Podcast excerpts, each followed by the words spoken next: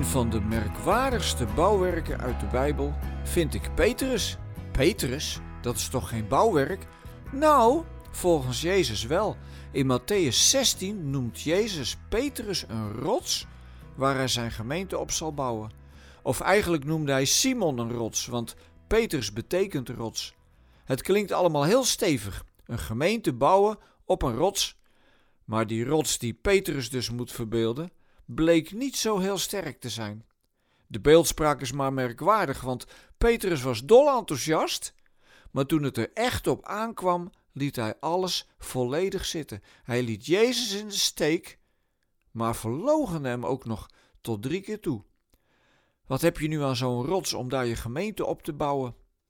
Dit Bijbelstukje is in de geschiedenis gretig opgepakt door kerkelijke leiders.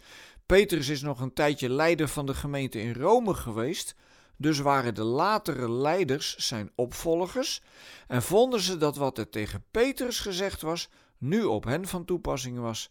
Tja, dat gaf vervelende toestanden, want als je je de opvolger van Petrus voelt, en daarmee eigenlijk ook de opvolger van Jezus, dan kan dat behoorlijk wat macht geven.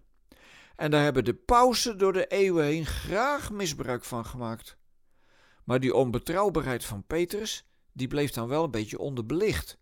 Natuurlijk, na Pinksteren nam Petrus echt goed de leiding. En toen ook hij uiteindelijk werd gearresteerd en ter dood veroordeeld, wilde hij ondersteboven gekruisigd worden, want hij wilde niet op dezelfde manier sterven als zijn Heer. Dat vond hij zichzelf niet waard.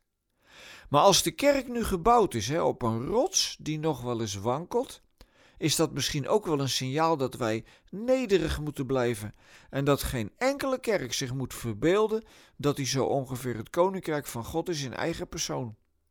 Natuurlijk proberen we allemaal braaf en gelovig Jezus te volgen, maar op het moment dat mensen zichzelf echt een rots gaan vinden, gaat het vaak fout. Wij mogen meer rotsen zijn in de trant van wie zonder zonde is, die moet de eerste steen maar gooien.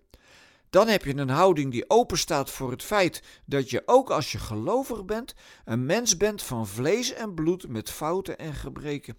Ik heb al zoveel akelige verhalen gehoord over christenen die in hoog aanzien stonden binnen het wereldje, maar achter de schermen volledig onderuit gingen.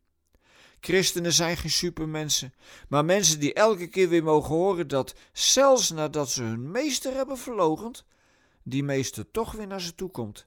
Dat deed Jezus met Petrus ook. Na zijn opstanding vraagt hij maar liefst drie keer aan Petrus of hij wel van hem houdt.